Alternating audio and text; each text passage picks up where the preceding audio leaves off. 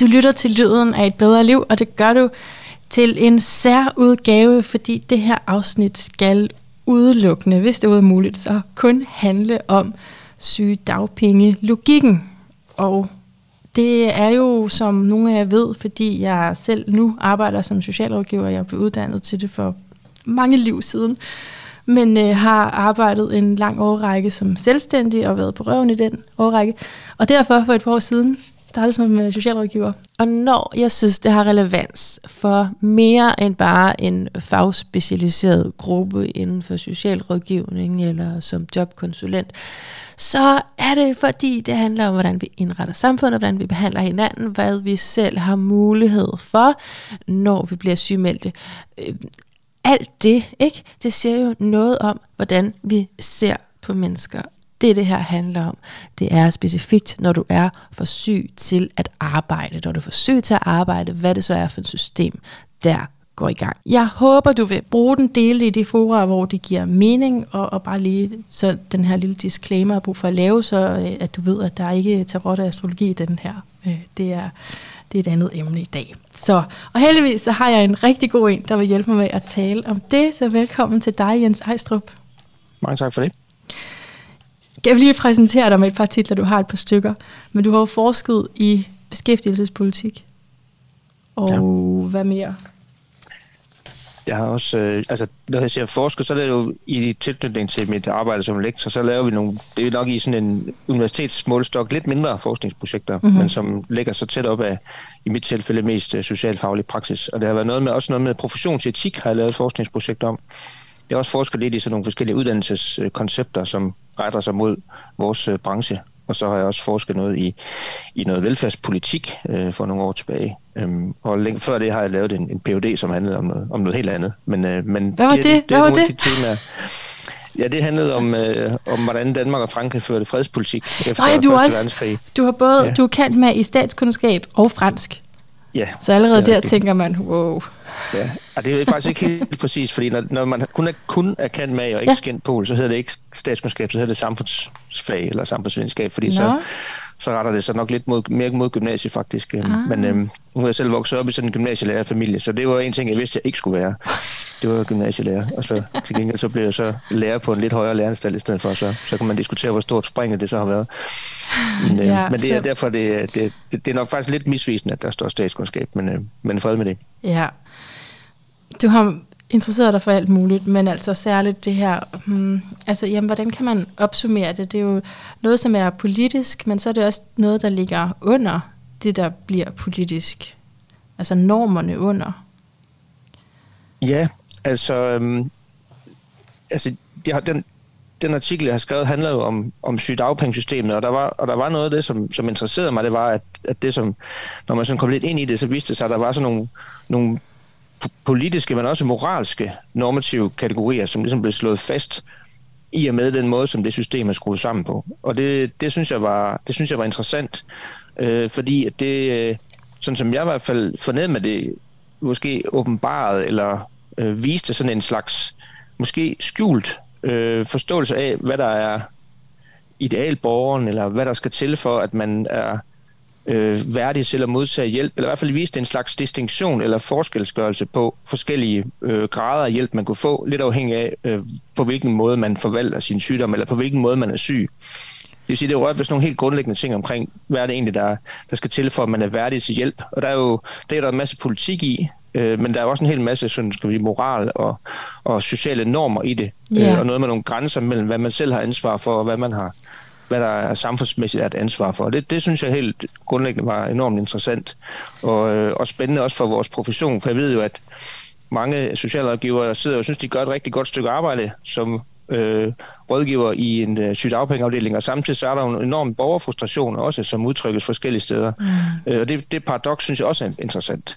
Yeah. Øhm, og det er noget, en af de grunde til, at jeg synes, det var spændende sammen med nogle af mine kolleger. Vi har været flere, øh, der har været med i et fælles forskningsprojekt, okay. øh, som den her artikel udgår fra. Øh, det var noget af det, der, var, der gjorde, at vi synes, det var spændende at gå ind i. Hvad hed det fælles forskningsprojekt? Jamen, det, øh, det startede faktisk med at hedde Brugerrejsen i sygdagpengesystemet. Ah. Og det er jo fordi, vi vil gerne lægge sådan et borgerperspektiv ja, ja. på det, hvor vi vil prøve at følge nogle borgere for at prøve at få opklaret nogle af de der misforståelser ja, eller ja.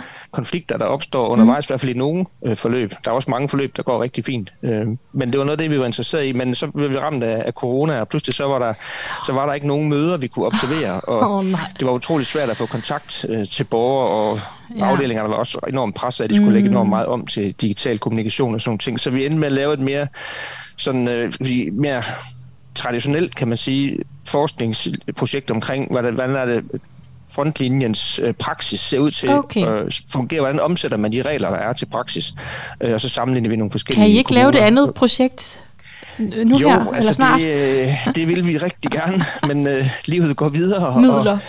Og, øh, vi ja. har alle sammen i gang med nogle andre projekter okay. nu, men det tror jeg egentlig, alle sammen vi havde sådan, at det, det, det stod egentlig stadigvæk hen som sådan et stort, øh, spændende, lidt øh, yeah. ubesvaret yeah. spørgsmål. Yeah. Øh, fordi at, øh, at det, det er nemlig... Øh, utrolig interessant, hvad det er for nogle ting, der sker i de her forløb, som, yeah. som i hvert fald i nogle forløb kan opleves meget, meget forskelligt, set fra et uh, sagsbehandlerperspektiv i forhold til, hvordan det opleves som, øh, som borger. Som borger, ja. Og det synes jeg er interessant. Det har vi så belyst måske på et, på, på et lidt mere på politisk niveau, nogle af de ting, der kan give konflikter der. Ja, og det er jo det, jeg har faldet over, netop som du siger, den artikel, der er udgået for det, fra, øh, fra det forskningsprojekt, og som øh, jeg simpelthen bare var nødt til at tale med dig om. Så jeg er så glad for, at, øh, at du er her. Og, og hvis der er en titel, så er det vel den her, der hedder, der er forskel på folk, også når de er syge. Ja, det er titlen, ikke? Det, det er titlen på artiklen. På artiklen. Når du, du spurgte til forskningsprojektet, ja, det, det var lidt bredere end ja, så. Klart. Øhm, og der, jeg kan faktisk ikke huske, hvad overskriften blev på det, men det blev noget med, med frontlinje praksis i forhold til, til sygedagpenge lidt mere bredt. Mm-hmm. Øhm, mhm. og så har jeg så lavet det her som en del af, af det fælles projekt. Ja, og jeg tænker egentlig, at jeg vil, jeg vil linke til det til lytterne til inde i the show notes. Så linker jeg til det, for man kan faktisk læse det gratis øh, uden for nummers øh, artikler. Må jeg lige læse noget op? Velkommen. Det, det var svært at vælge, hvad jeg skulle læse op, fordi åh, det er alt sammen bare sådan noget, jeg synes er, er virkelig spændende. Og så er jeg så glad for, at øh, du er her sammen med os, så du kan udfolde nogle af de her øh, begreber. Så jeg vil læse op fra, det er så side 30 det her uden for nummer, sådan tredje side af din artikel, tror jeg. I socialpolitisk historie opereres med begreber om at være værdigt trængende, det vil sige, at der er bestemte trangsituationer, der kalder på legitim offentlig hjælp, mens der er andre, der ikke gør. En nyere, men beslægtet måde at tilgå dette politisk normative kerneproblem er den såkaldte værdighedsteori, der retter fokus mod de fortjenthedskategorier, kriterier, fortjenthedskriterier, som ligger til grund for hjælp fra samfundets side. Kernen i denne tilgang er, at der bag tildelingskriterier for sociale ydelser og beskrivelsen af de krav, borgere skal leve op til for at modtage hjælp og ydelser, ligger politisk normative eller moralske kategorier om deservingness, altså om hvilke borgere, der fortjener at blive hjulpet, og hvilke, der ikke gør. Ja. Jeg håber, at hvis man forstod det her, så må man blive sådan lidt ægget i hvert fald. Sådan lidt, hvad? Altså, hvad er det for noget? Ikke? Der er nogen, der fortjener at blive hjulpet, og nogen, der ikke gør. Er man ikke bare syg, når man er syg? Det må ja. du gerne svare mig på. Jamen, det er jo det er rigtig gode spørgsmål, øh, og det var også noget af det, som, som gjorde det interessant, det her, det der, at, at, at, at dengang vi havde det der brugerperspektiv, at, at der er nogle borgere, der, eller borgere, hvad man nu kalder, øh, i borgere, i, der er syge i sygedagpengesystemet, der havde den oplevelse af, at jeg er jo syg, og jeg har papir på, at jeg er syg, og alligevel så bliver jeg behandlet anderledes end andre, som er syge og har papir på, at de er syge. Det vil sige, at der bliver sat en forskel. Øhm, og det, jeg synes var interessant, det var, jamen, hvad er egentlig begrundelsen for den forskel? Er der, er der, der, må, der må være en begrundelse for, at nogen øh, modtager en type hjælp. Øh, det skal siges, at, at hvis ikke man kan blive forlænget, Øh, og det er jo det, det her det hele handler om. Øh, så er der en forskel på, hvor godt et forsørgelsesgrundlag man har. Det vil sige, at man, man er økonomisk forskelligt stillet, alt efter om man er i den ene eller den anden kategori. Øh, men det synes jeg, det var, det var utroligt interessant, fordi det er folk, der oplever sig som egentlig som, som, som syge, øh, og også har papir på, at de er syge. Men alle, er jo, alle dem, vi taler om i den her artikel, er jo stadigvæk arbejde, uh, uarbejdsdygtige på grund af egen sygdom. Det vil sige, at de har papir på, at de er syge, men derfor så bliver de alligevel behandlet lidt forskelligt. Øhm, og, og det det, det er sådan set, man kan sige, det er en undtagelse i historien, at man ikke har behandlet folk forskelligt. Øhm, der er kun ah. en ganske kort periode i vores historie, hvor man automatisk fik sygedagpenge, hvis man var syg, uden at der egentlig blev stillet nogen spørgsmål til det, mm. eller uden der lå nogle andre begrænsninger ind over det. Og det er fra 1972 til 82. I 82 der indførte man en begrænsning på varigheden af sygdagpengene, og så fandt man ud af efterhånden, jamen der var jo nogen, som faktisk havde brug for hjælp ud over den begrænsede øh, tid. Og så indførte man sådan lidt drøbvis forskellige forlængelseskriterier, så at vi nu er oppe på syv forskellige forlængelseskriterier. Ja. Og det synes jeg, hvad, er det egentlig, hvad ligger der til grund for, at nogen kan blive forlænget øh, men andre, som stadigvæk er syge, ikke kan blive forlænget. Øhm, og dengang, før ved den reform, vi fik nu i 2014, der var man ildestet, hvis man ikke blev forlænget, for så mistede man faktisk sin sygedagpenge og gik over i at kunne måske få kontanthjælp, men det kræver jo, at man ingen formue har, og ingen ægtefælde har, der har indkomst og sådan ting. Hvornår sagde du, man var dårligere stillet? Hvornår? Altså fra før 2014 okay. ja. var man dårligere stillet, hvis man kom okay. ud over øh, varighedsbegrænsningen. Øhm, fordi at eller som er ud over de 52, 52 uger, uger. var begrænsningen. Fordi ja. så, så, fik, så kunne man ikke få sygedagpenge længere. Hvis, mm. hvis man ikke blev forlænget, jamen, så havde man ikke noget forsørgelsesgrundlag. Ja. Andet end hvis man så kunne gå over i øh, kontanthjælpssystemet, som ja. jo er noget helt andet, og formue ja. og, og ægtefælde indkomst afhængigt af sådan noget. Ja. Så det er sådan set en forbedring, der er sket, øh, men, men en forbedring, som stadigvæk indebærer en sortering af syge i to forskellige grupper. Jeg ved ikke, det går godt, der lige måske lige brug for sådan lidt kontekst her omkring, øh, hvordan, hvad det er, der mener med det her med forlængelse. Men for før 2014, der var der en, en ramme på 52 uger, og så kunne man, hvis man var syg op til 52 uger, så kunne man godt blive forlænget dengang, men det var selvfølgelig færre sager, der blev 52 uger, end det, som der så skete efter 2014, hvor man rykkede det her tidspunkt frem til 22 uger. Det vil sige, at alle sager skulle vurderes i forhold til forlængelse mm. allerede efter 22 mm. ugers sygdom. Yeah. Det man så gjorde samtidig, det var, at dem, der ikke blev forlænget, de kom over i en ny forsørgelseskategori som hedder jobafklaringsforløb. Yeah. Og den er, den er sådan set bedre stillet end ved at være på kontanthjælp, fordi det kan man godt få, selvom man har en lille formue. Og man skal ikke have ret meget formue øh, i det her system. Øh, for eksempel hvis man har et hus med noget friværdi, eller en, eller en bil, eller en lille opsparing, så kan man faktisk ikke få kontanthjælp. Det vil sige, at man var bedre stillet øh, i det nye system, mm. hvis man ikke fik forlænget, end man var i det gamle system. Så på den måde, sådan forsørgelsesmæssigt kan man sige, det er egentlig ikke nogen stor forringelse. Øh, man har bare rykket det her tidspunkt frem. Øh, det vil sige, at der er nogen, der ikke bliver forlænget, men til gengæld har de nogle bedre vilkår, dem der ikke bliver forlænget. Mm. Det, der er interessant ved det, ved det, der er sket nu øh, i 2014, synes jeg, er, at øh, det belyser jeg også i artiklen, hvor, der, hvor jeg har lidt tal på, hvor mange sager det egentlig er, det handler om. At selvfølgelig, fordi det er, der er mange flere sygeforløb, som rammer det her vurderingstidspunkt efter 22 uger, end der var efter 52, 52 uger, fordi folk jo heldigvis har en tendens til også at blive raske igen. Yeah. Øh, så er der faktisk seks gange så mange sager, der bliver vurderet, om de kan forlænges eller ikke forlænges. Det vil sige, den her øh, moralske vurdering af, hvem er værdig til at blive forlænget, og hvem er ikke værdig til at blive forlænget, den rammer mange flere mennesker. Men er det ikke også og, klart, hvis den allerede skal ske efter 22 uger, hvor der måske er mange, der ikke er friske endnu?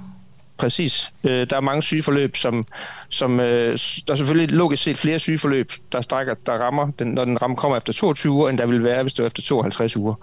Øhm, og det er faktisk cirka seks gange så mange, der bliver vurderet mm. øh, efter 2014 end det var før. Og derfor så bliver den her sortering i to forskellige typer af syge jo meget mere nærværende for både borgere, fordi der er mange flere borgere, der bliver så at sige, hvad skal jeg sige, udsat for den, men også for, for dem, der arbejder i, i sygedagpengesystemet, som skal lave mange flere vurderinger, som faktisk Jeg tænker, det er jo næsten flere arbejde. konsekvens. Ja, ja, det er vel mere arbejde sådan set. Er det ikke? Jo, altså man Men kan det er jo sige, så i håbet et, om at få øh, folk tilbage et, på arbejdsmarkedet før jo. Det er vel derfor. Ja, der kommer i hvert fald et, det er i hvert fald et, der kommer et pres for, at man får folk tilbage på arbejdsmarkedet. Det, det var der nok i, hele, i virkeligheden hele tiden, fordi der har man jo haft, skal vi sige, siden 2006 i hvert fald nogle meget klare formuleringer om, at man skal sørge for at have et aktivt program og sørge for at sikre så hurtigt som muligt, at man vender tilbage til arbejdsmarkedet. Men man kan sige, at man får, der kommer pres på, at man får afklaret de her spørgsmål inden 22 uger. Og mange af de ting, det handler om, handler jo om nogle lidt komplicerede lidelser. Det vil sige, at det kræver ret meget dokumentation, som man så skal have til vejebragt for at kunne træffe en afgørelse, Aha. som også skal træffes før de 22 uger, så den har virkning fra de 22 uger. Det vil sige, at, at praksis bliver bliver under, kommer under et vist tidspres for at indhente en del dokumentation og en del ja. viden, øh, for at have et grundlag for at træffe den afgørelse. Så, så på den måde, så, så kan man sige, at det, det betyder noget for, for sags, øh, ud, og måske også for, at måske nogle øh, sygemeldte oplever, at, det, at man kan blive lidt stakåndet af at møde sygedagpengesystemet, fordi de, de har en oplevelse af, at man har travlt. Øh. Og det har de. Ja. der skal ske noget, ikke også i løbet af ret kort tid. Ja, så netop den forestilling, man har om, nu er jeg blevet syg, oh, der er et sikkerhedsnet, jeg skal lige trække vejret. Det, det er de færreste, der oplever det sådan i dag. Fordi der vil blive værksat noget, som peger tilbage mod øh, arbejdsmarkedstilknytning, eller tilbagevenden til arbejds, arbejdsmarkedet. Men så det, der ligger under, fordi det er en ting, det er det praktiske med, hvad er det, der skal ske, men så er det, du taler om det her billede af den ideelle eller den aktive medborger. Ja. Og, og det er jo så, som du siger, det er, det er så dem, der kan blive forlænget. Øh, men hvad er det for et billede? Hvad er det for en, en ideal borger, du har fundet frem til? Ja, altså det er jo der, hvor man kan sige, at, at det, jeg har lavet, det er jo, der er jo nogle tolkninger i det, øh, og det redegør også lidt for i, i artiklen, hvad det er for nogle, for nogle hvad det er for et grundlag, jeg laver de tolkninger på. Men, men man kan sige, når man, altså præmissen er, at når samfundet så at sige sorterer øh, borgerne, så er, det, så er præmissen i min tilgang, at jamen, så må der være en grund til, at nogen er mere, har så at sige gjort sig mere fortjent til mm. at øh, få den hjælp, end andre har. Øhm, og noget af det, som jeg hæfter mig ved, det er, at, øh, at dem, som er tilbøjelige til ikke at blive forlænget, Øhm, og nu skal det ikke blive alt for juridisk nørdet, men der er sådan nogle forskellige forlængelseskriterier, som handler mm. meget om at sætte et tidsperspektiv på, øh, hvornår man enten er rask ja. igen som følge af behandling, eller hvornår man har fået afklaret sin arbejdsevne. Øhm, og det vil sige, det der med at kunne sætte et tidsperspektiv på, hvornår man tænker, at sygdommen så at sige er mm. enten er, er helbredt, eller, eller, eller at man øh, kan er i hvert fald på et på et punkt, hvor man kan afklare arbejdsevnen. At, at det at kunne sætte tidsperspektiv mm. på det, det bliver afgørende for, at man kan forlænges efter en af de forskellige regler. Og det vil sige, de, de ledelser, hvor man ikke kan sætte et tidsperspektiv på, fordi at de måske netop er diffus, eller, eller har ikke har sådan et, det, som jeg i artiklen kalder et ikke-lineært forløb, altså hvor man ja. ikke sådan klart kan sige, for eksempel et brækket ben, der siger man, så sætter vi gips på, eller vi opererer, og så går der seks uger, så er der syv ugers genoptræning, og så er der bla bla bla, og så er du tilbage på arbejde. Yes. Det er meget svært med andre lidelser, som mm. stress og depression, og også nogle typer gigtlidelser, mm. øh, og andre lidelser, hvor det, hvor det er lidt svært at sætte sådan en teknologi op for, hvordan kommer vi fra den syge tilstand til den raske tilstand. De her funktionelle lidelser, ikke? Herunder funktionelle lidelser er helt klart også et eksempel. Ja, og det ja. funktionelle lidelser er jo egentlig også en kategori af lidelser, som man kalder funktionelle lidelser, fordi man ikke helt ved, ja. hvad er det egentlig, det handler om. Mm. Øhm, men det er jo noget, som helt, folk helt klart jo lider under mm. øh, og er syge, men hvor, ja. man, hvor, hvor, skal sige, hvor teknologien og diagnosen er, og prognosen er ikke er særlig sikker. Mm. Øhm, og de, de lidelser, det er i hvert fald det, jeg kommer frem til, det er i hvert fald nogle af dem, som viser sig at blive øh, at være svære for længe efter de gældende regler, netop fordi man ikke kan sætte et tidsperspektiv på. Øh, og det vil sige, at det som så er min tolkning, og det, det ligger noget i, i det, du siger med omkring den aktive medborger, det er, at vi forventer både, at man selvfølgelig skal være syg, men vi forventer også fra systemets side, at man skal være aktiv medvirkende i forhold mhm. til at afhjælpe sin egen sygdom. Det vil sige, at man skal deltage i de forløb, der er. Man skal så at sige, vise en vilje til at ville tilbage på arbejdsmarkedet. Øhm, og det, som jeg så får ud af det her, det er, at, at der kommer de steder, hvor vi har at gøre med en diffus lidelse, eller en, et ikke-lineært forløb, mm. der kan der opstå en mistanke om, at borgeren ikke aktivt medvirker på den måde, som vi gerne vil have. At Men det kan, og det er jo det, der er så altså, paradoxalt, eller, altså man står der i sådan en klemme, kunne jeg forestille mig, når man forvalter sådan en sag, ikke? fordi det virker måske også som om, at altså, borgeren har de symptomer på en, som ikke medvirker, ikke? Men det er i kraft af en lidelse, som der bare ikke er anerkendt. Ja, eller som måske i hvert fald er svært at netop sætte det der tidsperspektiv på. Ja. Der, der er sagsbehandlerne jo også et sted underlagt det, men hvis ikke man kan det, ja. eller hvis ikke man kan få en læge til at skrive, mm. hvordan man gør det, øh, eller hvilket tidsperspektiv der er, så er de jo, så er de jo også lidt begrænset ja. i, det er jo sådan, det er jo sådan set det, der står i reglerne. Der skal man ja. gerne kunne sætte et eller andet form for tidsperspektiv på. Så ved vi også fra vores øh, forskning, at der kan være lidt forskellige måder, man spørger lægerne på, og kan få at få nogle, nogle svar mm. og sådan noget. Der kan være lidt, lidt, uh, lidt måder at kommunikere med sundhedspersonale på, som gør, at, at de nogle gange kan give et klarere svar end andre øhm, den andre gange. Men alligevel så det der med, det, det er man som sagsspænder et eller andet sted også begrænset af. Og derfor så vil det ofte være dem, som har diffuse lidelser, som oplever, at de bliver udsat for den her sortering, som egentlig mm. bliver en frasortering som også kan blive en, en lidt en nedvurdering. Og det, jeg siger ikke, vi har jo ikke undersøgt, hvordan de oplever det. Men jeg siger bare sådan, i forsørgelsesmæssig forstand, så er det en nedvurdering. Fordi ja. at man bliver øh, objektivt set ringere stillet på et jobafklaringsforløb, øh, hvor man får, hvad der svarer til kontanthjælp, end på, når man er på sygedagpenge, som svarer sådan cirka til dagpenge. Der er sådan en, en som jeg husker det lige på, for tiden, 5-6.000 kroners forskel mm. om måneden. Mm-hmm. Det er noget, man godt kan mærke, når man, når man er ja. øh, på det sted i, i livet. Øhm, og, det er jo, og, det, og den forskel er både konkret materiel, den er også symbolsk, fordi at, øh, det er så fordi, man så, så at sige åbenbart det kan i hvert fald sådan, man kan tolke det, er mindre, mindre værdigt syg end dem, som bliver forlænget. Øh, og det er, den, det, er den, det er den tilgang, jeg har haft, at prøve at lede efter, hvad er det så for mm. nogle, nogle, nogle, nogle distinktioner, vi kan mm. se i sygedagpengesystemet, som kan, som kan begrunde normativt, hvorfor man laver den forskel. Ja, så værdigt syg, og det er jo det, der kommer af værdigt trængende, så du, det bruger du, ja. Ja, det, og som sagt, så er det jo... Øh, øh altså, at tage udgangspunkt i noget, der står i grundloven, hvor der, hvor der står i vores paragraf 75 øh, stykke 2, ja. at man er berettiget til hjælp, hvis man ikke kan forsørge sig selv og sine, mod dog at leve op til de forpligtelser, som, øh, som, lov, som, som loven siger om det.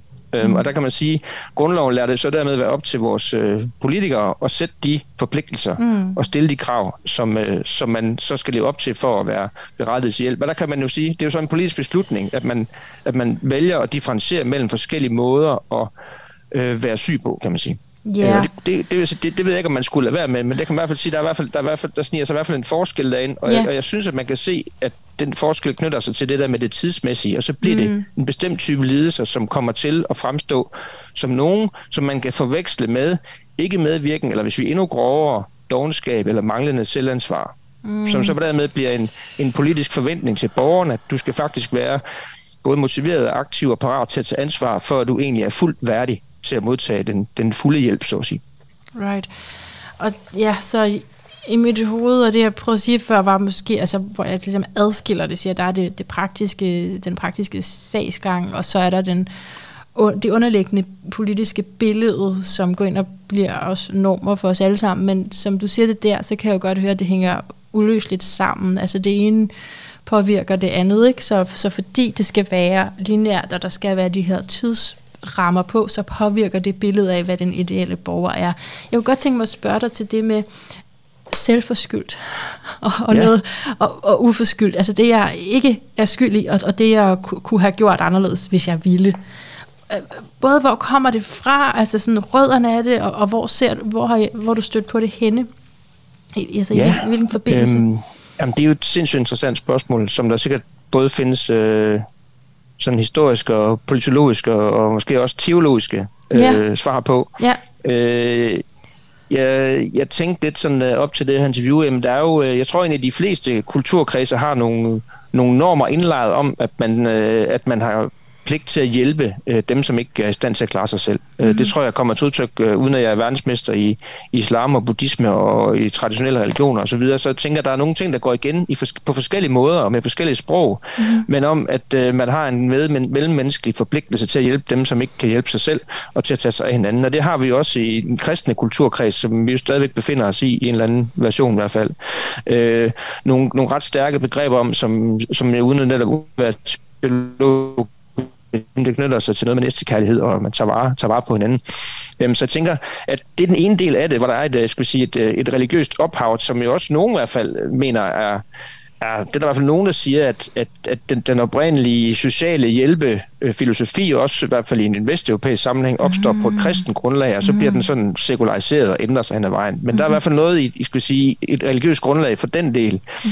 Der er også i den, øh, igen, uden at være teolog, et, øh, man har trods alt læst noget Max Weber og sådan noget sociologi, som ja. handler om, om religionens rolle i, i de vestlige samfund. Så er der ja. også i, i de vestlige samfund sådan en, en arbejdsetik og noget, øh, skal sige, skyldsetik og noget selvansvarsetik, Pligt som jeg tænker også er, noget, er en del af forklaringen mm. på det her. Øh, nemlig at øh, der er også et religiøst bud, som ikke bare byder os at tage os af hinanden, men mm. der er mhm. også et religiøst bud, der byder os at tage os af os selv og tage vare på vores egen skæbne. Øh, og dermed pådrager vi os også skyld, hvis ikke vi forvalter den øh, gave eller det opgave mm. øh, ordentligt. Øh, og på den måde så kan man sige, at der er også i tænker jeg, i sådan en kristen kulturkreds er nogle begreber om, at man har pligt til at tage sig af sig selv, øh, og som jo også ligger til grund for, for meget liberalisme, og måske også ligger til grund for neoliberalisme. Øh, og jeg tror, at man skal, i, det, i det danske politiske spektrum kan man jo se sådan lidt et stridigt spil mellem øh, de her forskellige hensyn. Øh, dels hensynet til, at vi har et kollektiv, som er solidarisk og tager sig af dem, der ikke kan hjælpe sig selv, men også et krav om, at man skal hjælpe sig selv så meget, som man nu kan, øh, ja. som en form for livspligt. Øh, og der tænker jeg, at, at både hjælpe øh, etikken, men også den der selvansvarsetik, øh, har der nok nogle rødder i, øh, i den kristne kulturkreds på en eller anden måde, øh, som så, så er det så udviklet sig på mange forskellige lederkanter i, i politik og velfærdsstat og sådan noget. Men jeg tænker, det er noget af det samme, vi står med. Ja. Og jeg tror, hvis man hører øh, venstreorienterede og højreorienterede politikere argumentere op på hinanden, så tror jeg egentlig, de vil, de vil trække noget på det, noget af det, noget de etiske, forskellige etiske mm. begreber, der ligger i de her to forskellige øh, sider af den kristne kulturarv, når de argumenterer for, hvorfor det er vigtigt, at vi hjælper hinanden, eller henholdsvis, hvorfor det er vigtigt, at vi først og fremmest tager vare på os selv. Ja, øhm, ja. Og det tænker jeg, det er sådan, mm. som almindelig medborger, så kan jeg jo også godt, jeg kan da føle noget begge dele. Ja, altså jeg synes, det, det øh, lyder da okay. Mine børn, så opdrager dem heller ja. ikke til at lægge sig ned og, og ikke klare sig, og, og, og, tage, lade andre tage sig af sig. Jeg opdrager dem til at kunne klare sig selv. Altså det lyder og det, det ret godt, som du siger i, der. i vores kultur, tror jeg. Ja, også i altså, yoga-filosofi. At himme sig ikke at gøre skade på nogen, men heller ikke gøre skade på sig selv. Altså, så, så der, altså, helt klart, jeg synes, det lyder meget fornuftigt. Men problemet er jo så der, hvor man pludselig skal sige, øh, du er blevet syg, og det er din egen skyld. Ja, altså. jeg tror, der, der kommer noget, der, der sker noget i... Øh, ja, det er jo der, der er noget velfærdshistorie, tror jeg, i det, som måske kunne være lidt interessant at trække ind. Mm. At, øh, at jeg tror, noget af den, den nyliberale bevægelse er opstået som en, blandt andet som en modreaktion på, hvad man så som en sådan alt overgribende velfærdsstat, som både var økonomisk øh, tung og tæmmede nogle kapitalistiske interesser, men også måske invaderede den enkeltes eget ansvar ja. for eget liv. Ja. Og jeg tror, man skal forstå øhm, at den, den nyliberale modbevægelse som, som noget, som også som selvfølgelig er en økonomisk bevægelse, men også en, en sige, politisk, moralsk bevægelse, som kræver, at folk tager mere ansvar for deres eget liv.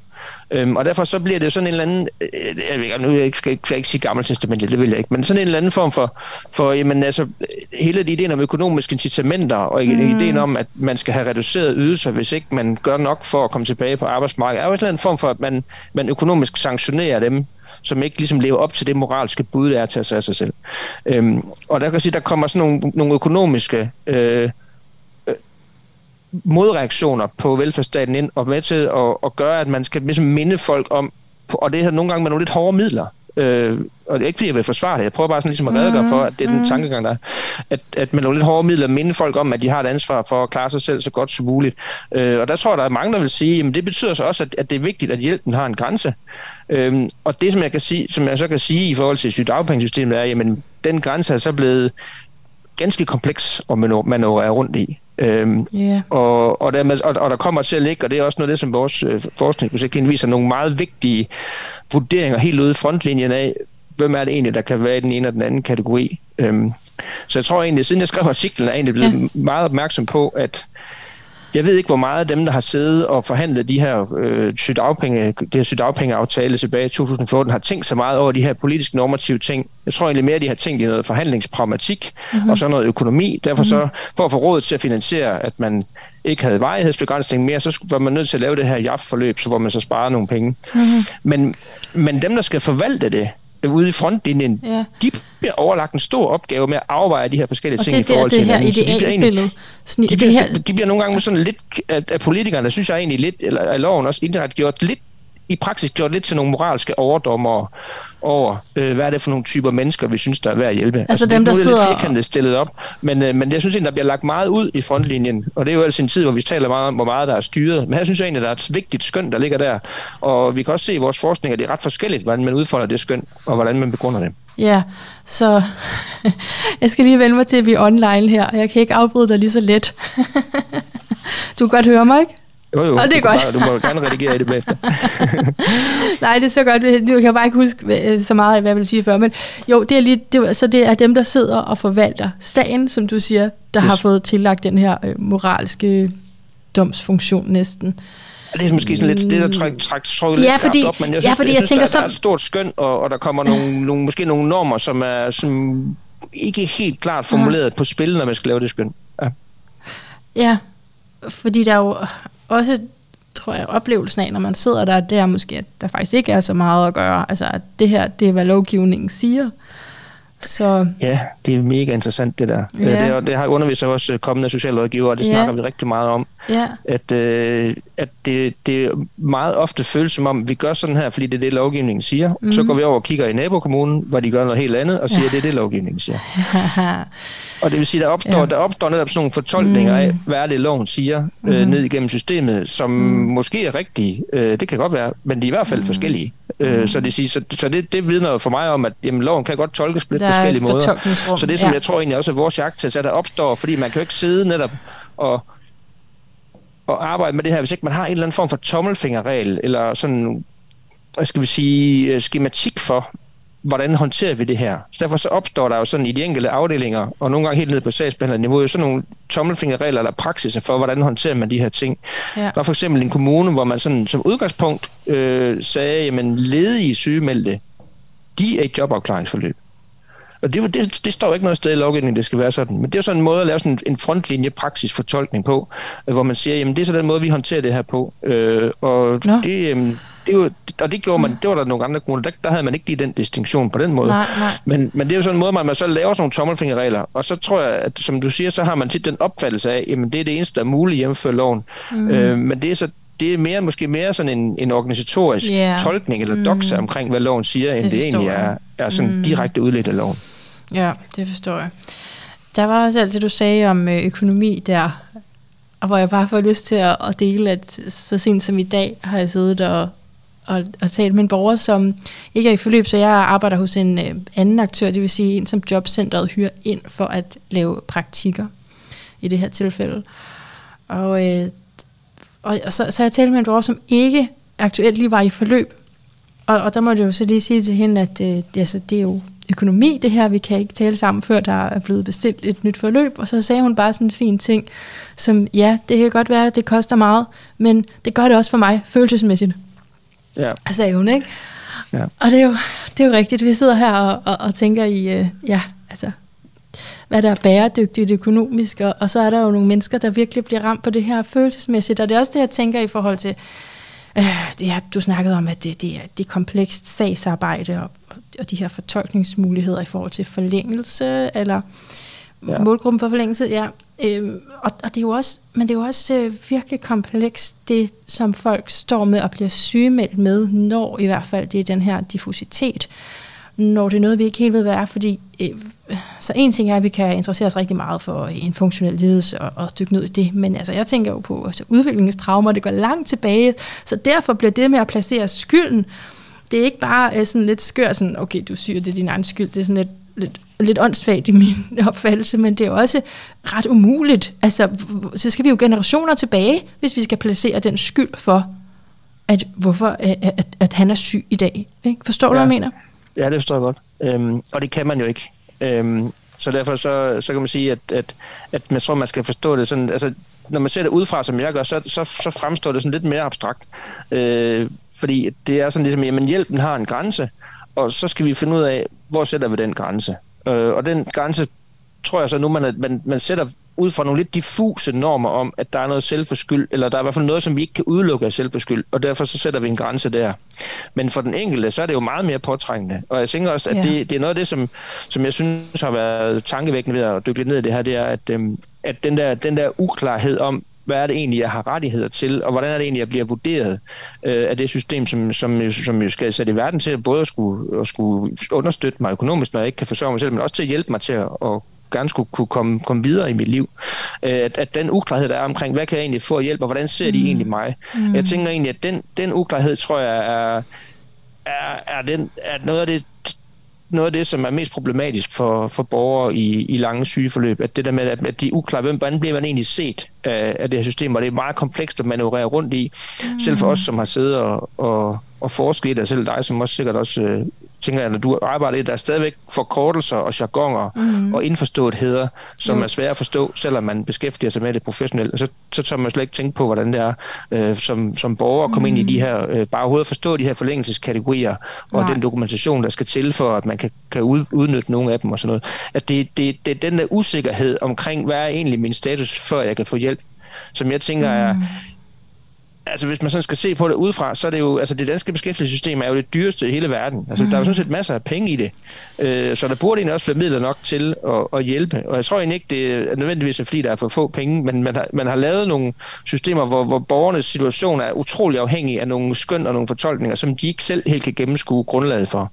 Og den usikkerhed, øh, mm. tænker jeg, altså hvis du, du øh, hvis du vil lægge op til en diskussion af, hvad, hvad, hvad, hvad, hvad kunne man prøve at forbedre, så tror jeg, det, det er måske det sted, man skal kigge hen, hvor, hvor, man, hvor, det, der, hvor det der borgerperspektiv, som vi desværre mm. ikke fik undersøgt, mm.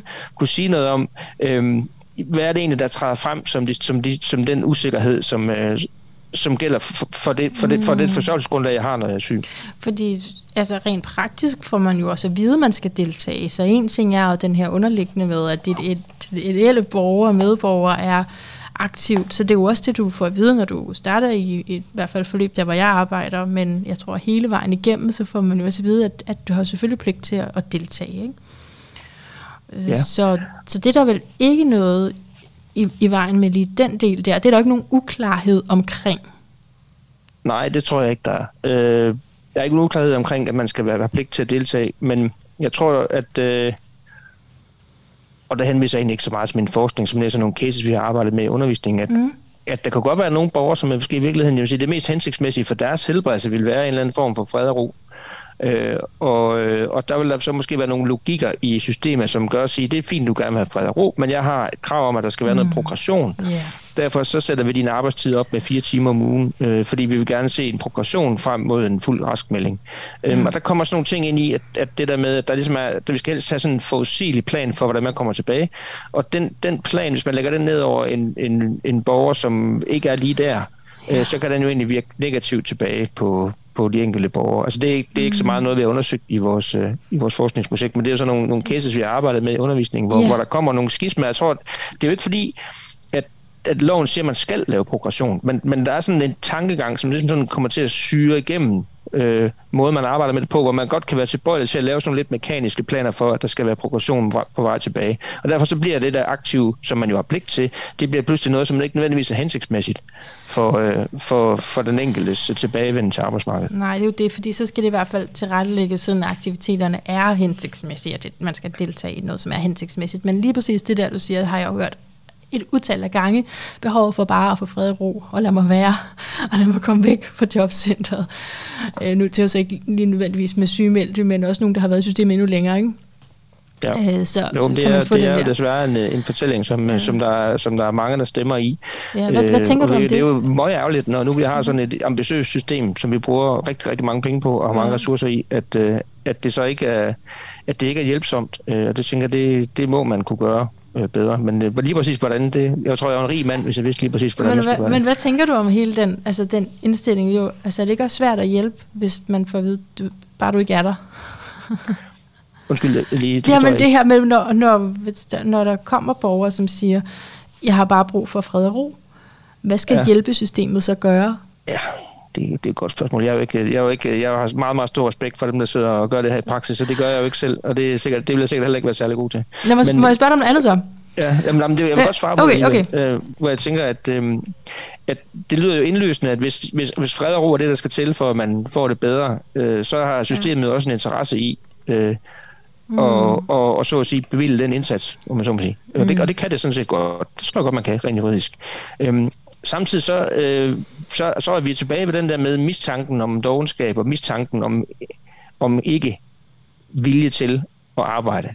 Arbejdsetikken. Mm. Øh, det er rigtig svært, øh, når den ligesom spørger i baggrunden, og så accepterer, at vi bare laver noget, som er fuldstændig passivt. Øhm, det, det er i hvert fald... politikken har jo også været en reaktion mod, hvad de fleste opfatter som en overdreven passiv social politik. Og derfor så tror jeg, at der er nogle, nogle lige lasten der i forhold til at acceptere ja. den der helt passive, selvom det sikkert i nogle tilfælde givetvis vil være fornuftigt at gøre uden at det kan jeg jo slet ikke gøre mig til dommer over. Ja, altså nej, men vi, vi snakker bare du, her i podcasten, ja, det, det, er ikke, så, det er ikke sådan, at bordet fanger overhovedet, vi taler bare. Altså det, mm, det er selvfølgelig et perspektiv at sige, at det er fordi, at der lurer den her tanke om dogenskab, men et andet perspektiv, og det er ikke fordi, jeg skal forsvare noget, men bare et andet perspektiv er jo, at man kan være blevet så afkoblet det sociale, at man ikke længere tror på, at man kan. Og det føles det rigtig meget som om, jeg har bare brug for fred og ro. Og vil faktisk helst ja. bare bo ude en skov ja. uden andre mennesker. Men, og, og det er ikke fordi, at man ikke skal tage det seriøst. Det skal man netop, netop ved at forstå det lidt dybere, netop ved at forstå det også som en nervesystem, som øh, er blevet overbelastet og, og anstrengt. Ikke? Og man har brug for faktisk at hjælpes til at kunne indgå i det sociale igen. Så det ikke handler om, hvor meget du kan yde på arbejdsmarkedet, men faktisk mere om at give dig noget at vågne op til hver dag, og nogle andre mennesker at møde ind til, at kunne smile til, og kunne opleve, at, at du bliver mødt igen. Altså det perspektiv er der jo også i forhold til det, at man kunne forsvare det, den aktive tankegang med. Helt sikkert. Øhm, og, der, og, der, og jeg ved med, at det underviser vi heldigvis også i, at der er nogle dilemmaer nogle gange mellem at, at inddrage borgernes perspektiv, og nogle gange også underkende borgernes perspektiv ud fra mm. en opfattelse af, at det simpelthen ikke er det, der er bedst for dem. Mm. Øh, hvis man har tendens til at blive socialt isoleret, øh, mm. og man som socialrådgiver sidder og er bekymret for det, og så man bliver ved med at efterspørge bare at få lov til at være i fred og fred og ro, mm. så vil man måske i virkeligheden svigte som socialrådgiver, hvis ikke man øh, på en eller anden måde tog fat i det og sige, mm. hvad handler det om det her? Øhm, ja. Og så er det ikke sikkert, at fred og ro vil være det rigtige. Øhm, og det, det igen, der er, vi, der er lidt på, på udbanen der, men det, ja, ja. Det, der synes jeg, der er, nogle, der, er nogle, der er jo nogle etiske øh, grunddilemmaer i det, som ja. knytter sig til professionen. Klart, klart. Øhm, det, det, det, som jeg tror, jeg er meget opmærksom på, det er, at man, at man, at man kommer til at lave noget... Øh, sådan noget mekanik med, mm. at nu skal du gøre sådan og sådan og sådan ja. og sådan, og du stiger fire timer om ugen, og så er du ja. tilbage, eller så Øh, fordi så, så, så det, der egentlig skulle være en hjælp, det kan jeg slå over i, i det modsatte. Så jeg yeah. tror, man er, den er nødt til på en eller anden måde at, at have et, et, et element af relationel sådan, fornemmelse af, øh, hvor er folk for at kunne lave noget fornuftigt. Det, er, det, altså det, skal, jo, det skal også siges, at øh, der er jo rigtig, rigtig, rigtig, rigtig, rigtig mange sygedagpengeforløb, som forløber rigtig, rigtig fint. Ja, ja, ja. Øh, og det, ja. det er selvfølgelig ikke, nok ikke dem, vi hører, hører mest Ej, om, men, det er de men andre, vi der er jo også, og der er jo mange mm. sammenhæng, hvor det egentlig bare går, og kommunikationen ja. fungerer, helbredelsen går, som den skal. Det er de der, de der ja. gange, hvor det, hvor det kører i ring, så opstår den der mistanke, som kan sige, om, at man egentlig ikke lever op til sin selvansvarsforpligtelse. Ja, og så, fordi... så, er det der, så er det, der kommer noget moralsk ind i det, så bliver det jo. vanskeligt. Og, derfor, og det er jo netop dem, hvor, hvor vi siger, at der er en helt gruppe, som altså, der går det fint, og de får den hjælp, og måske en, en praktik, og måske får de et job der bagefter, som var sådan, yes, det fungerer det her, ikke? Men er det så ikke også på grund af det idealbillede, som du taler om? Er det så ikke fordi, at de netop er i den kategori, hvor som hjælpen passer til de målgruppe simpelthen? Jo. Altså alle jo. er jo altså, juridisk i målgruppen, men ellers altså bare sådan i forhold til det der underliggende billede, så ja så ja. passer det, så hjælper hjælpen faktisk dem. Ja, ja. Og ikke de andre. Øhm, og der, der, det er også derfor, jeg synes, det er spændende det her, fordi det er netop, at, at jeg tror, man måske har tilbøjelig til en periode at sige, at ligesom normerne er opløst, og vi er alle sammen individer på vores egen unikke måde, og sådan men, men, men alligevel så er der faktisk, tror jeg, der er nogle ret stærke normer om, hvordan man helst skal være. Mm. Øh, og, og det er jo en blanding af at, at være... Øh, øh, samfundsborgere, som er deltagende demokratisk osv., mm. og som har nogle sociale rettigheder, mm. og så på den anden side at være en borger, som øh, tager, tager vare på sit eget liv, forsørger sig selv, tager ansvar for at få et arbejde, og måske ovenkøbet tage ansvar for at udvikle sig, så man kan få et arbejde. Altså de, der, er nogle, der, er nogle, der er et spændingsfelt der, øh, som vores idealborgere, øh, skal vi sige, så at sige, indfanger. Øh, og det idealborgerne er jo ikke en, der ikke har ret til at, at få hjælp. Det er det ikke. Men idealborgeren er en, som så at sige responderer rigtigt på hjælpen. Ja. Og, øh, og tager det rigtige, rigtige form for ansvar. Altså noget af det, som jeg henviser til i artiklen, det er noget forskning, som handler om, hvordan velfærdsinstitutioner har fået nogle mere og mere sådan komplekse billeder af, hvem deres borgere egentlig er øh, fra at være nogen, der bare havde rettigheder til at få en hjælp, og så går den hjælp så være mere eller mindre afmålt, og så må de selv slås med resten, til at være nogen, hvor man både kan yde en hjælp, men hvor man også har en masse forventninger om, hvordan borgerne selv tager ansvar for at forvalte den hjælp, og hvad den skal omsættes til. Og det, det er jo egentlig en mere omsorgsfuld øh, offentlig institution eller stat, der gør det, men samtidig også en mere intervenerende Øh, stat, ja. som kommer ind og rører ved den der måde, man lever sit eget liv på, mm. og stiller spørgsmål ved det, og måske intervenerer i det.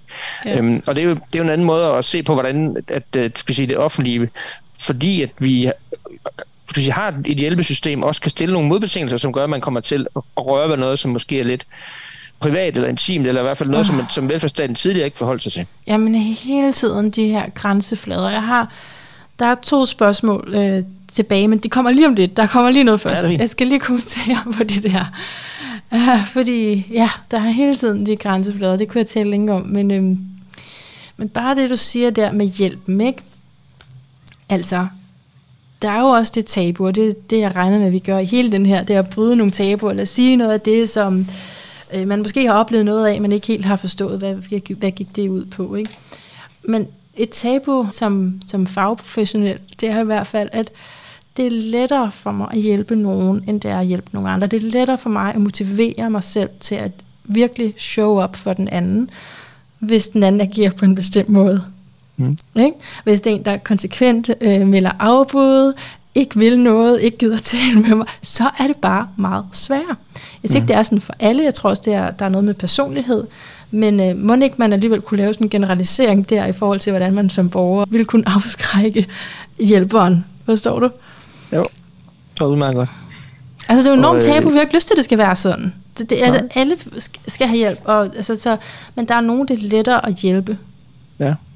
Og det er jo netop fordi, at man kan sige, at hjælp er også blevet en form for samarbejde. Mm. Øh, fordi det handler ikke bare om at, at sy et sår sammen, eller at, øh, at udlevere en ration mad hver dag. Det handler også om, hvordan mennesker skal udvikle sig. Og derfor så er hjælpen jo blevet meget mere kompleks og mere afhængig af samarbejde. Jeg tror egentlig, det understøtter egentlig den pointe, jeg nævnte før, ikke? at det, at det, det der med at, at få noget til at ske som, som velfærdsinstitution, det er så komplekst, at det kræver borgernes medvirken. Og det er jo noget af ja. det, der også er netop er beskrevet i, i lovgivningen. Øh, fordi det handler om at flytte borgeren fra måske et øh, kompetenceniveau til et andet, eller et selvhjælpsniveau til et andet, eller i retning af noget andet, eller arbejde med nogle sociale relationer i en familie, hvis man er også en familieafdeling. Det, det er super komplekst, og det kræver noget medvirken, og derfor så er, er det jo, og jeg tænker, det, det, jeg tror, der er mange praktikere, der kan skrive under på det, du siger der. Der er simpelthen yeah. nogen, som jeg bedre kan motivere mig til at hjælpe, yeah. fordi de er mere modtagelige over for den måde, jeg gerne vil, den måde, jeg gerne vil hjælpe på. Øhm, yeah. Jeg tænker, det, jo, det må være en stadig udfordring til, til praksis, og, og også kunne, Jamen, kunne hjælpe dem, som ikke lige umiddelbart passer ind yeah. i den ideelle hjælpmodtager, som man måske sådan mere eller mindre bevidst bære rundt med selv. Øhm, ja. Og det, det tænker jeg, det er, en, det er en udfordring, som bliver større i takt med, at, at det, vi skal hjælpe med, så at sige, bliver, bliver mere komplekst. Også fordi, øhm. altså, alt er, er, kan jo være traumer, ikke? Så det kan både være et traume, at borgeren møder op smilende og imødekommende, og jeg er sådan, yes, men det bliver nemt at få dig i praktik, fordi du er mega sød. det er så naturligt for dig, men det kan jo også være et traume, den her people pleasing, jeg kan jo sige fra, lige så meget som et traume kan være, at du møder op og har total forsvar på, begge dele er lige traumatiske, begge dele er noget, du har gået igennem, som du ikke har kunnet bære, du har måttet udvikle nogle strategier for at overleve i det. Så så det er ikke fair. Du ved, jeg ved, at det ikke er fair, at øh, jeg har det sådan, men jeg erkender også, at det er sådan, jeg automatisk øh, reagerer. Ja. At, at det bare er lettere at tale med nogen, end det er med nogle andre for mit eget system også. Mm. Ja. Det synes jeg, det er en det, jeg tror, det er et vigtigt tabu at få brudt. Ja. Øh, og egentlig også, også, også, et, øh, også ud fra en professionel øh, vinkel, ja. at man har den, en, en refleksion over, ja. hvad er det egentlig for, det, noget, nu taler jeg, jeg kan godt, nu prøver jeg at optræde som sådan en forsker, det er jeg jo ikke kun, men det er jo også, øh, og der er også en del forskning, der viser, at øh, der er en tilbøjelighed til, man også i, i frontlinjen, netop fordi man skal have tingene til at glide, og fordi man har sine egne følelser med også, så kommer man til at dele borgerne ind i, i de, de flytbare, og de, de fastlåste, og de øh, umulige, og de alt muligt andet, øh, hvor man kommer til hurtigt at have sådan nogle etiketter på, øh, og det, det er noget, som jeg det, tænker, det, det er både forståeligt, men samtidig også noget, man hele tiden skal være kritisk overfor. Yeah. Øh, fordi det kan komme ned til, til at, at sige, at man, ikke, man kommer ikke til at række ud på en måde, der er meningsfuld eller hjælpsom for, for dem, man skal række ud Nej, til, hvis man på forhånd ligesom har nogle stærke forforståelser. Det er jo, det er jo en del af socialt yeah. arbejde, at både at have dem, men også at arbejde med dem, tænker jeg. Ja, at være bevidst om de forforståelser og prøve ja. at indtage et mere objektivt ståsted, i hvert fald mens du er på arbejde. Ikke? Ja, ja. Altså, øh, fordi, ja, det er også i forhold til det med de funktionelle lidelser, og altså, kroniske lidelser, noget sådan, det, det er svært helt at sige, er det fysisk, er det psykisk, eller er det bare det hele, der er noget lort. det, der kan man også have en forforståelse af, jamen, øh, det, det tror jeg ikke på, for eksempel. Ja. Det er bare, fordi du skal gøre sådan og sådan. Og så, selvom man ikke siger det, så vil hele ens måde at arbejde med den sag på være påvirket af, det, af sådan en, ikke? Jeg har jo ikke selv været sagsbehandler, men øh, ja. jeg tror, jeg kender det lidt som far med teenagebørn. Ja. Øh, hvornår er det, øh, at man egentlig er træt, og fordi man ikke har sovet, og hvornår er det bare, at man egentlig ikke rigtig gider. Ja. Øh, det kan være helt vildt svært at, at skille ad. Øhm, ja. Er du sådan en streng og, en? Du kan godt virke lidt streng. Nej, nok ikke. Jeg synes ikke, jeg er ikke streng nok. Okay, ja, så, du er ikke streng nok. Okay. du Ej, jeg har haft en søn, der har haft en masse sygdom øh, ja. her på det, på det seneste, okay. og, og det vil sige, og hvor han har været rigtig, og det har faktisk også været sådan lidt diffus, når det er knyttet til noget allergi og sådan noget, mm, men hvor, netop, yeah. hvor han sover enormt meget, og, mm. og er enormt træt, og enormt langsom til at komme i gang med dagen, har det været en periode, det heldigvis at blive bedre nu, men sådan, så kommer man også lidt sådan, tag dig sammen. Ikke? Yeah. Altså, yeah. hvad, hvad er bare almindelig teenage sløvsind, og hvad er faktisk noget, som er betinget af, at, øh, at der er noget, som simpelthen påvirker hans system negativt. Det kan være vildt svært at skille ad. Jeg er glad for, at du øh, giver et eksempel. Forældre. Og jeg yeah. tænker, det er jo på en anden måde noget af det, som, som også kan være et dilemma i, i en sygdagpenge sammenhæng eller en anden klar. Øh, sammenhæng, hvor man har at gøre ja. med borgere, som har nogle problemer, men hvor det kan være svært at skille mellem, hvad, hvad er egentlig hvad?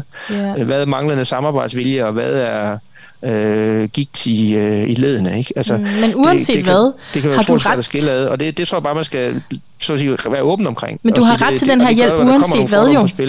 Ja. Du har ret til den her hjælp, uanset hvad, uanset om det er det ene eller det andet. der forårsager det. Ikke? Er det ikke det, der, der er hele pointen? At uanset om det er skyld for, selvforskyldt eller uforskyldt, så har du vel ret til, altså ifølge lovgivningen eller hvad?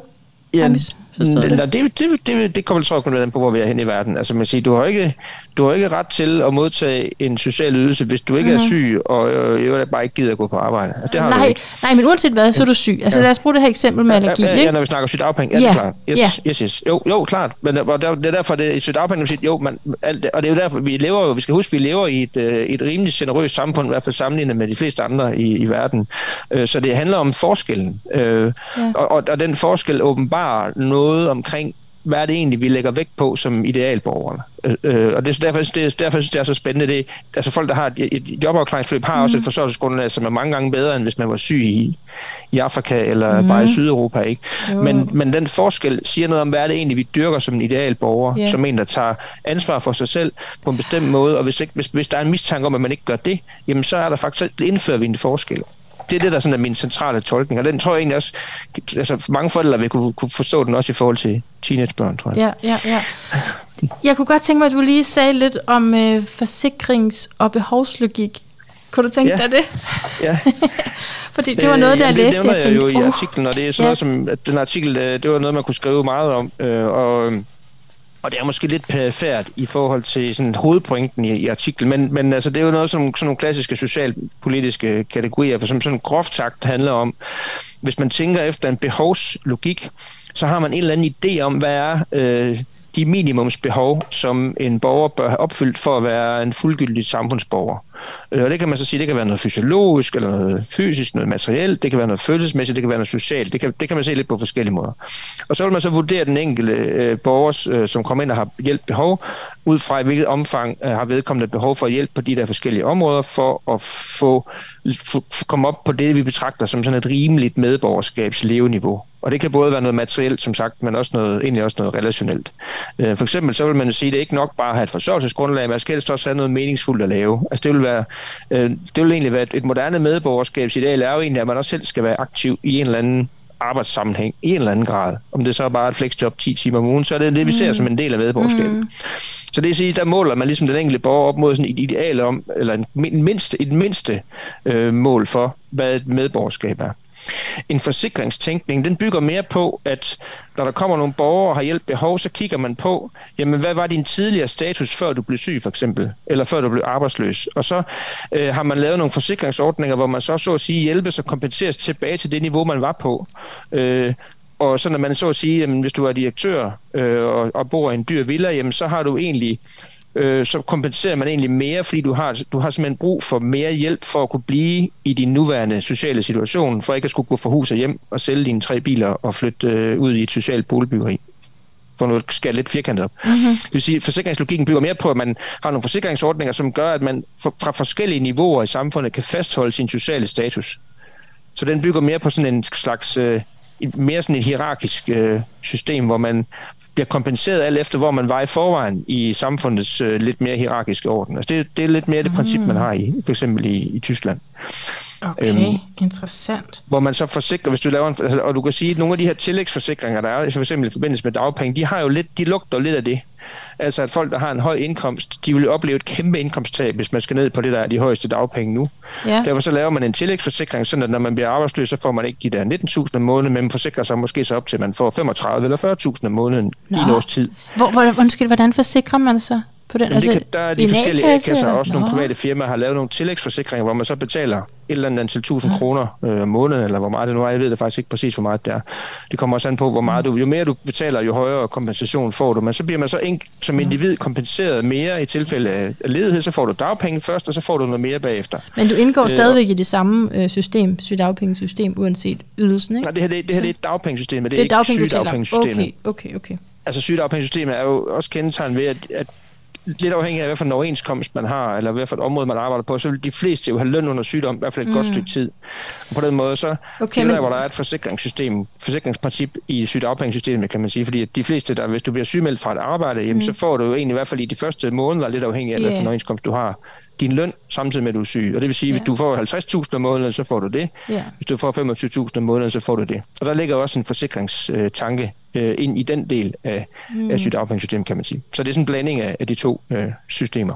Indtil man bliver opsagt, formentlig, ikke? Hvis Ja, hvis man så bliver ledig, så, så dumper man jo så ned på den høje sygedag, eller på sygedagpenge, sygedagpengene, som svarer til øh, dagpengesatsen, ja. Ja, okay, så grunden til, at du fortalte det om dagpengene, grunden til, at du fortalte det om dagpengene, var fordi, at det samme logik, som bruges ja. inden for sygedagpenge i forhold til forsikring, men når man så er over i den anden kategori, er ikke særlig ideal borger, så er det mere en behovslogik. Jamen, det, man kan sige, at man får faktisk også løn under sygdom, hvis man er i et jobafklaringsforløb. Så ja, okay. på den måde, så kan man sige, men man kan sige, at, at når du, når du så, hvis du så er ledig, så, er det så, så går der et andet, et, et andet regelsæt i gang, mm-hmm. øh, hvor det danske regelsæt jo egentlig er, der har vi egentlig det, vi kalder en, næsten en, en universel ydelse, fordi at dagpengesystemet er jo egentlig indkomstafhængigt. Mm. Altså det almindelige dagpengesystem, arbejdsløshedsdagpengesystem, men man har sat et loft på. Der er et max som, som gør, at langt de fleste rammer loftet mm. øh, det samme sted. Så for langt, langt de fleste, der vil arbejdsløshedsdagpengene være de her, øh, jeg tror det er 19.200 mm. eller hvad det nu er. Mm. Øhm, det, du skal have en meget lav indkomst, for at du kommer under det. Ja. Øh, så derfor så, så har vi egentlig, øh, skal vi sige, på dagpengeområdet noget, der ligner sådan et universelt, altså alle, som har, alle, som bliver syge, har de rettigheder, mm. de får det samme.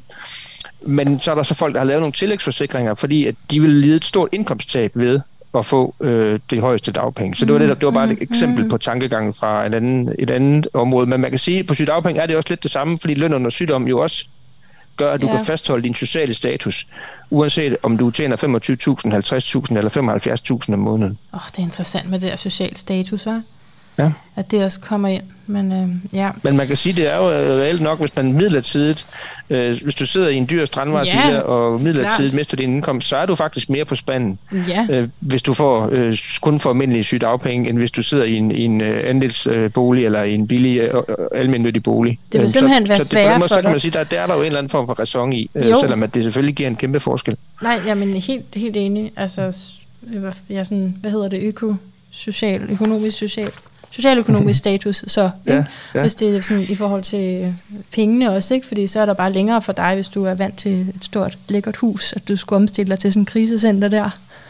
ja, det, og det kan være en kæmpe omvæltning, mm. som også har nogle meget store kortsigtede omkostninger, mm. selvom det måske bare handler om, at man er syg i 4-6 måneder for eksempel. Yeah. Øhm, sådan noget den stil. Det ja, kan man diskutere rimeligheden af, men der er i hvert fald, ja. der er i hvert fald nogle, sådan nogle logikker, som, som godt kan forklare det. Ja, meget interessant. Altså, men forsikring, altså det er jo også det, der det er jo det, der er meningen, og det er det, som mange, når de ikke har været overhovedet i beskæftigelsessystemet eller sygdagpengesystemet, og forstår ved sikkerhedsnettet her i Danmark, jamen, du har jo forsikret dig, så du kan jo få dine penge, og så kan de måske ikke forstå, hvad, hvad så er problemet. Men det er netop for at vende tilbage til det der citat fra min borger i dag, ikke? det er alt det følelsesmæssige. Altså, at øh, der er jo andre, der bestemmer nu, Yes. Uanset at det er dig, der har forsikret dig, så er det andre, der bestemmer nu. Og det var nu bare et spørgsmål, Jens. Jeg ved om du, jo, du bliver lidt tvunget til at svare på det her på stedet, men øh, jeg kunne bare godt tænke mig at høre om, har, du, har du selv øh, været syg? Har du selv været i systemet? Øh, nej, altså ikke i den forstand, at jeg har, har skulle øh, tale med en sagsbehandler om øh, forskellige forløb og tilbagevendende mm. og sådan noget. Jeg har haft et par operationer, øh, mm. en i hoften og en i ryggen, hvor jeg har været sygemeldt mm. i tre til fem uger eller sådan noget. Mm. Og, og det foregik helt øh, stilfærdigt med, at jeg så øh, vendte tilbage til arbejde, og så blev de kompenseret, og jeg beholdt min løn, mm-hmm. og jeg mødte aldrig en sagsbehandler. Så på den måde, så mm. har jeg, egentlig, jeg har egentlig ikke selv øh, noget førstehånds kendskab til sygedagpengesystemet. Vil du, vil du stole på det, hvis du blev syg nu igen, og, og det så var konsekvensen, om så du kunne simpelthen ikke arbejde, du nødt til at opsige, at du skulle bruge en anden lektor. Vil du øh, stole på, at øh, det system havde din ryg? Ja, altså, jeg tror, jeg har fundet ud af, at det kommer an på, hvad, hvad det er, jeg fejler. Ja. øhm, og altså, jeg, er også, jeg har også, kan jeg sige, med en anden kasket, jeg også, derfor så har jeg også fulgt nogle af mine kolleger, som har været syge, og som også har oplevet øh, jobcenteret at gå lidt mekanisk til, til deres øh, du, du er hvad for noget repræsentant? Sygdom. Jeg hørte det ikke lige tillidsrepræsentant, tillidsrepræsentant. på arbejdspladsen. Ja, godt. Øh, og der har jeg også oplevet nogen, øh, som har været sygemeldt, og som jeg så har selvfølgelig har talt med om, med, hvordan, hvad gør man så lige med det. Øh, og hvor, ja. hvor de også har fortalt om, hvordan altså, at, at hjælpen på jobcenter kan opleves sådan lidt mekanisk, og man synes ikke, det er nogen, der har særlig meget indsigt i de arbejdsopgaver, man har, eller har nogle lidt sådan firkantede forståelser. Så, så, men det har også noget at gøre med, at det kan, hvis det har noget at gøre med overbelastning eller stress, så noget, som er sådan lidt svært at sætte ja. diagnose på og, og tidsperspektiv på, så, så kan man godt komme lidt i klemme. Så jeg tror, jeg har da lært, at, øh, at hvis jeg brækker benet eller skal opereres i ryggen, så er jeg helt tryg. Så er det fint nok. Ja. Øh, men hvis jeg får en eller anden øh, mystisk gig- gigtsygdom, eller, eller går ned med en langvarig belastnings, øh, øh, Ja. arbejdsbelastningsledelse, så vil jeg være lidt mindre øh, tryg ved, øh, hvad, det, hvad det var for en type hjælp, jeg kan få. Men det skal så dog siges, at, at jeg vil jo altid kunne få et jobafklaringsforløb. Og sige, så, sådan, vi skal, jeg har, jeg har jo, der, er der er jo en hånd under mig, sådan nogenlunde, mm. selvom det selvfølgelig er mindre, end det ville være at være på sygedagpenge. Øhm, Mhm. så, men det er bare et spørgsmål om, at de hænder de er lidt forskellige højde. Og det er den der forskel, som jeg synes fortæller noget om, hvad det er, vi forventer af, af, den der idealborger. Og derfor, derfor jeg synes, det er, det er interessant. Men jeg vil, selv, jeg vil selv synes, at der var der i hvert fald... Jeg vil selv være bange for at havne i sådan et moras, jeg ikke kunne finde rundt i. Ja. Øhm, og hvor jeg, hvis jeg i forvejen var i en, i en svækket situation, hvis jeg nu var sygemeldt på grund af stress eller overbelastning, og så skulle manøvrere rundt i sådan et system, som jeg ikke kunne gennemskue. Altså, det, det, det, vil, tror jeg, det, det kan jeg godt se for mig. Det, det vil jeg synes var, var belastende. Og det synes jeg, der synes jeg, der er en opgave for, for vores system, at, at man ikke med den måde, vi indretter det på, gør det, gør det så vanskeligt at finde rundt i, at man nærmest gør, gør folk mere syge, end de var i forvejen. Altså, det, synes, det, synes Ja. jeg, vi har en, det synes jeg, vi har en forpligtelse til at, på en eller anden måde at kigge på. Ja. Øh, Så det vil, det vil jeg selv synes var, vil være utrygt at havne i. Ja. Men jeg synes, det er interessant ud fra dit svar, at det også peger på, hvad det er, I har undersøgt. Altså det mere objektive, de to ting, du nævner der, ikke med altså ydelsen, altså det er et spørgsmål om størrelsen på hjælp, så det er et spørgsmål om, hvor mange penge øh, er, er det okay, at jeg får, mens jeg er syg. Og, og den anden ting med, med at finde rundt i systemet, ikke? Ja. Så det er jo, Jo, det, kan du det, følge det, mig? det var det, som vi ikke rigtig fik undersøgt. Ja, men det er egentlig ret øhm, objektive ting, ja. ikke? Fordi du, grunden til, at du, du tænker, at det må være svært at finde rundt i systemet, det er, fordi du kan se kompleksiteten, du kan se alle de her forskellige Mhm. mm. fortolkningsrum.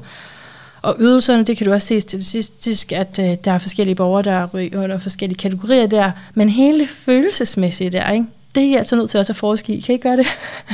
Jo, jo Det er sådan en subjektiv oplevelse, for jeg tror, der er- det, øh, det kunne være sjovt lave et forskningsprojekt om følelser, men Ja. følelser er som regel, de er som regel hængt op på noget. ja, den Øh, subjektive op oplevelse. På, på, på afmagt og Ja. sygdom og konflikter, vold, måske mm. magt osv.